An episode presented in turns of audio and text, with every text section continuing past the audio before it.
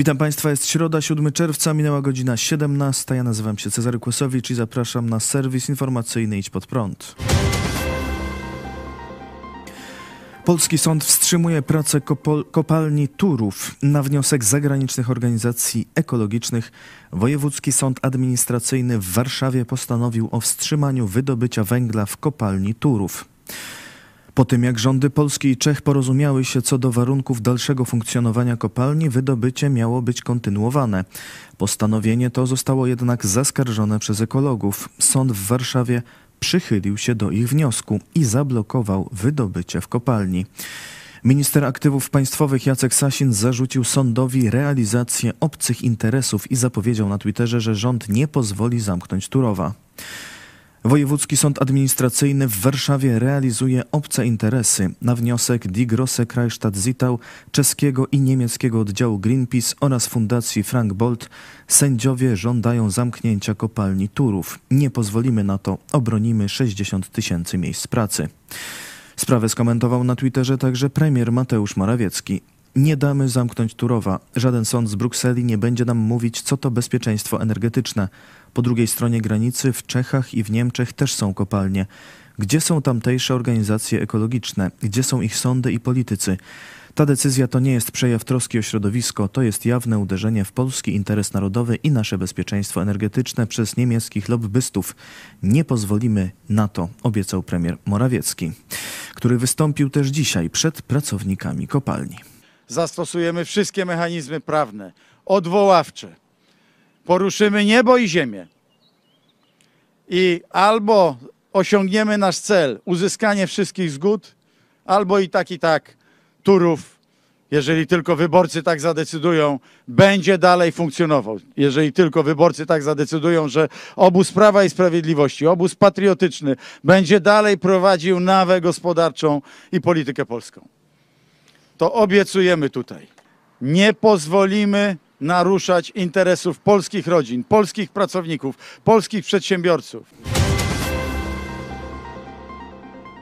Trybunał Konstytucyjny sprawdzi działanie Trybunału Konstytucyjnego.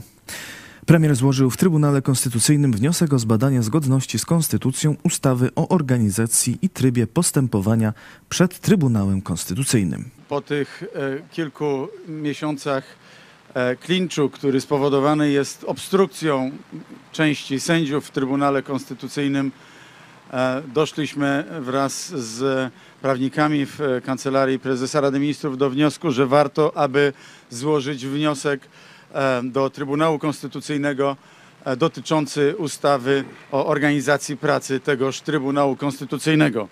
To właśnie w tej ustawie znajdują się zapisy, które mówią o tym, że e, tak zwany pełen skład, który może rozstrzygać sprawy charakteryzujące się e, takim właśnie wymogiem, e, to 11 sędziów. W dzisiejszych okolicznościach i w okolicznościach wcześniejszych wiadomo, że może to być mniejsza liczba sędziów, która będzie w stanie rozstrzygnąć dany wyrok, ale oczywiście nie nam przesądzać, czy tak będzie. Jeżeli Trybunał zdecyduje o e, rozpatrzeniu tego naszego wniosku, to decyzja Trybunału będzie mm, ostateczna w tym względzie. To znaczy, że de facto PiS poddaje wątpliwość konstytucyjność swojej ustawy. Po co? Żeby Trybunał mógł wydać wyroki w ważnych dla Prawa i Sprawiedliwości sprawach, jak ustawa o Sądzie Najwyższym. Zgodnie z ustawą potrzebny jest do tego tak zwany pełny skład, czyli 11 z 15 sędziów Trybunału. A w Trybunale jest konflikt. Sześciu sędziów nie uznaje prezesury Julii Przyłębskiej, uznając, że jej kadencja jako prezesa powinna skończyć się w grudniu zeszłego roku i nie mogła zostać przedłużona na kolejną kadencję. Tylko dziewięcioro sędziów uznaje obecnie prezesurę Julii Przyłębskiej. To za mało do wydania wyroku w pełnym składzie. PiS z jednej strony chce zmienić ustawę tak, by wystarczyło dziewięciu sędziów. Prace nad nowelizacją trwają w Sejmie. Z drugiej strony premier wykonał dziś ruch ze, ze skierowaniem obecnej ustawy uchwalonej przez PiS do Trybunału Konstytucyjnego, konkretnie przepisu mówiącego, że pełny skład Trybunału to nie mniej niż 11 sędziów.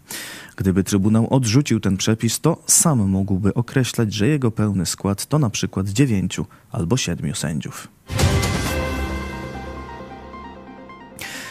Mateusz Morawiecki mecenasem Obajtka Kanał Poufna Rozmowa opublikował kolejne maile. Tym razem chodzi o korespondencję, którą w 2016 roku mieli prowadzić ówczesny wicepremier i minister rozwoju Mateusz Morawiecki z ówczesnym prezesem Agencji Restrukturyzacji i Modernizacji Rolnictwa Danielem Obajtkiem.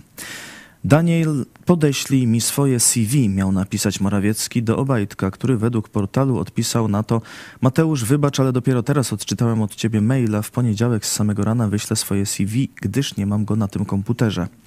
W kolejnej wiadomości Morawiecki miał napisać Dobrze, podeślij jak najszybciej, bo znalazłem coś ciekawego. Mój ty mecenasie miała brzmieć odpowiedź Daniela Obajtka. Daniel Obajtek od lipca 2018 roku był członkiem Rady Nadzorczej spółki Lotos Biopaliwa. Jednocześnie był także przewodniczącym Rady Nadzorczej Państwowej Spółki Dalmor SA. W marcu 2017 roku powierzono mu funkcję prezesa zarządu grupy energetycznej Energa. W lutym 2018 roku objął stanowisko prezesa zarządu PKN Orlen. Unia Europejska sprawdza Lex Tusk. Jak donosi RMFFM, Kolegium Komisarzy Unii Europejskiej wszczęło postępowanie o naruszenie unijnego prawa przez Polskę. Chodzi o ustawę o komisji weryfikującej wpływy rosyjskie, zwaną Lex Tusk. Komisja na razie zdecydowała o wysłaniu do Polski wezwania do usunięcia uchybienia. Jest to pierwszy etap procedury naruszeniowej, która może skończyć się pozwem do Trybunału Sprawiedliwości i karami finansowymi. Minister do spraw europejskich Szymon Szynkowski-Welsenk napisał na Twitterze Nasz cel jest jasny: zbadanie i ograniczenie rosyjskich wpływów w Polsce i Europie. Jesteśmy przekonani, że winien on łączyć wszystkie demokratyczne państwa i instytucje. Ze spokojem przekażemy argumenty prawne i faktyczne w tej sprawie po zapoznaniu się z wątpliwościami Komisji Europejskiej. Prezydent Andrzej Duda wygłosił wczoraj krótkie orędzie. Zapowiedział złożenie projektu ustawy określającego ramy współpracy prezydenta, rządu, Sejmu i Senatu w kontekście przewodnictwa Polski w Unii Europejskiej. Na początku Andrzej Duda wspominał referendum europejskie.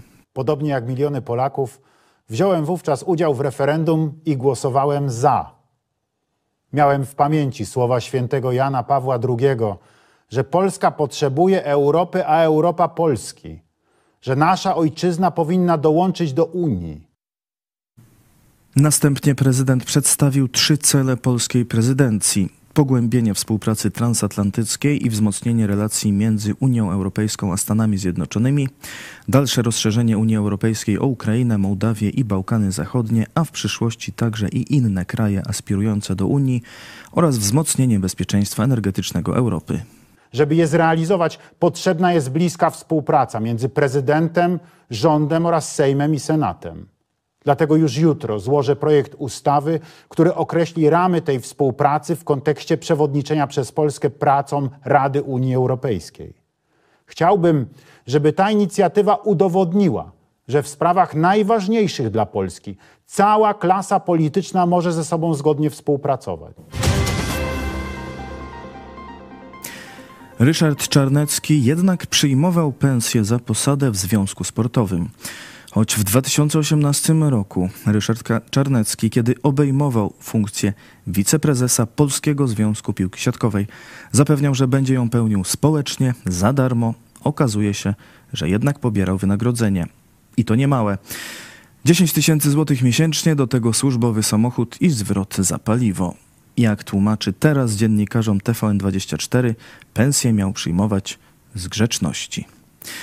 Uznano, że nie powinienem się wyróżniać od innych wiceprezesów związku i zacząłem pobierać pensję. W środowisku siatkarskim uznano, że sytuacja, w której jeden prezes pobiera środki, drugi i trzeci pobiera, a czwarty nie pobiera, jest sytuacją niezręczną, sztuczną i przekonano mnie, żebym tego nie robił, powiedział Czarnecki, wyjaśniając powody odstąpienia od szczytnych deklaracji.